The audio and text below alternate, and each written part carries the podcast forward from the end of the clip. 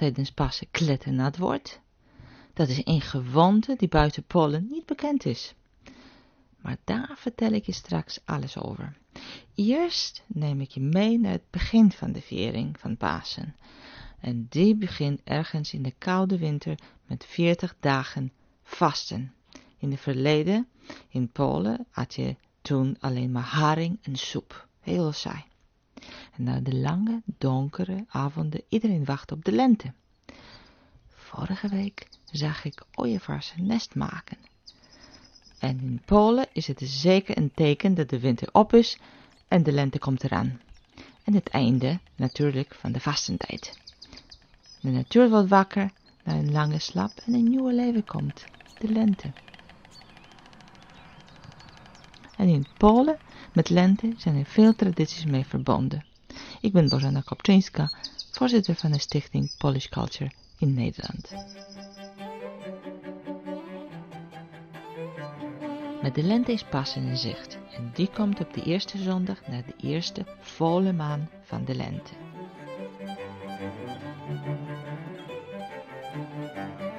Polen is een uh, katholieke land, dus Pasen wordt uitgebreid gevierd. Maar natuurlijk, eerst komt de Palmzondag. De dag dat we vieren dat Jezus komt Jeruzalem binnen. Toen mensen begroeten hem met palmtaken, maar natuurlijk, palmen groeien niet in Polen, dus de paspalmen zijn gemaakt van veel verschillende materialen. En afhankelijk waar je in Polen bent, zijn de technieken anders. En het maken van zo'n paspalm is niet eenvoudig. Jij moet beginnen een eh, paar weken eerder met een verzamelen van materialen. Dus een taken, wilgentaken, buxus, riet, kruiden, gedroogde bloemen, noem maar wat. In het oosten van Polen zijn de paaspalmen gemaakt van papier, gekleurde grazen en wilgentakjes.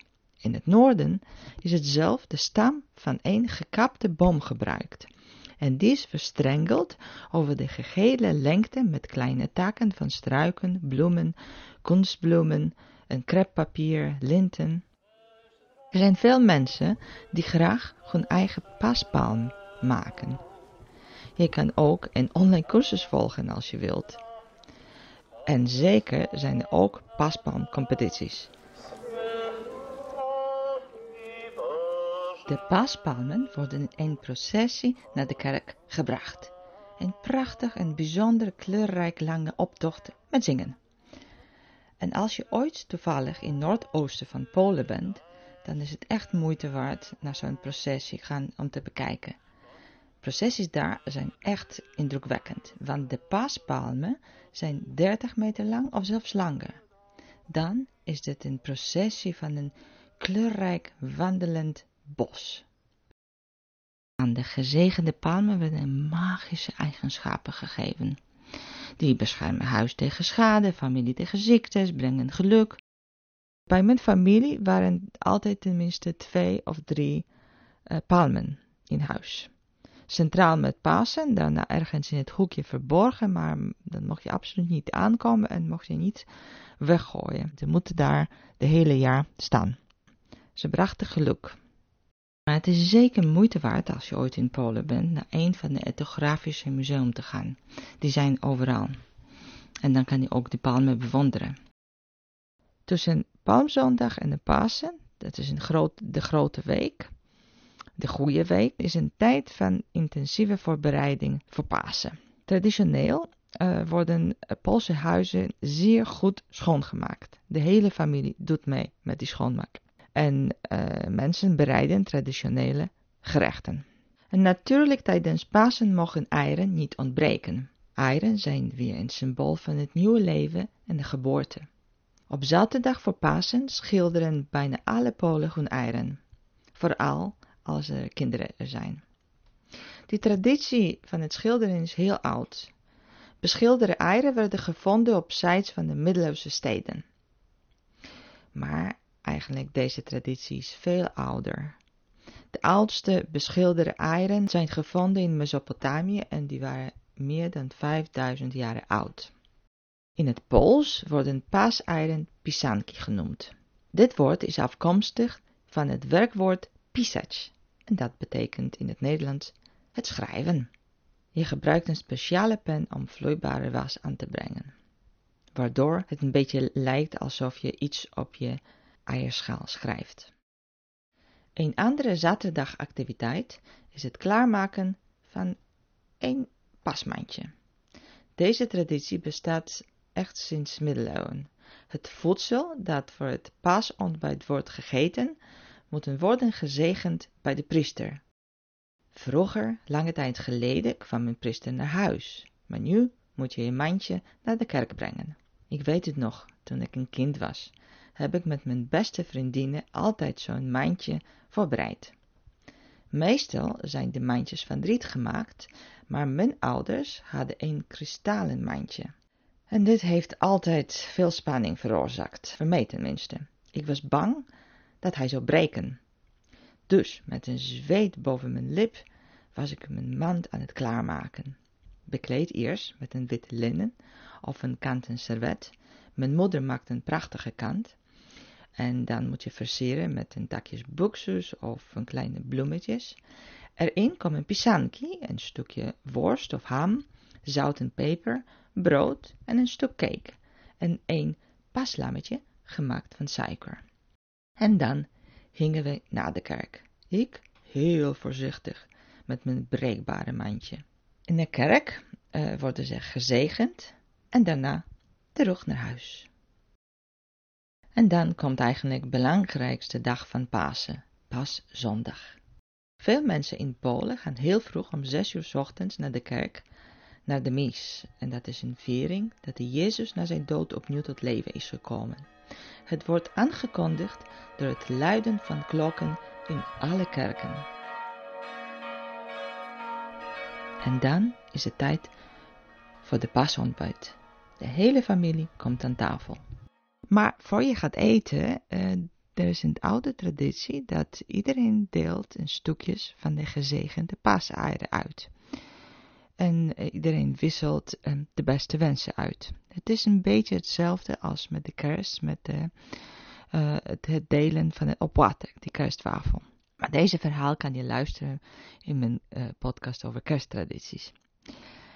Het ontbijt wordt gedomineerd door koude gerechten en is echt een feest voor vleesliefhebbers.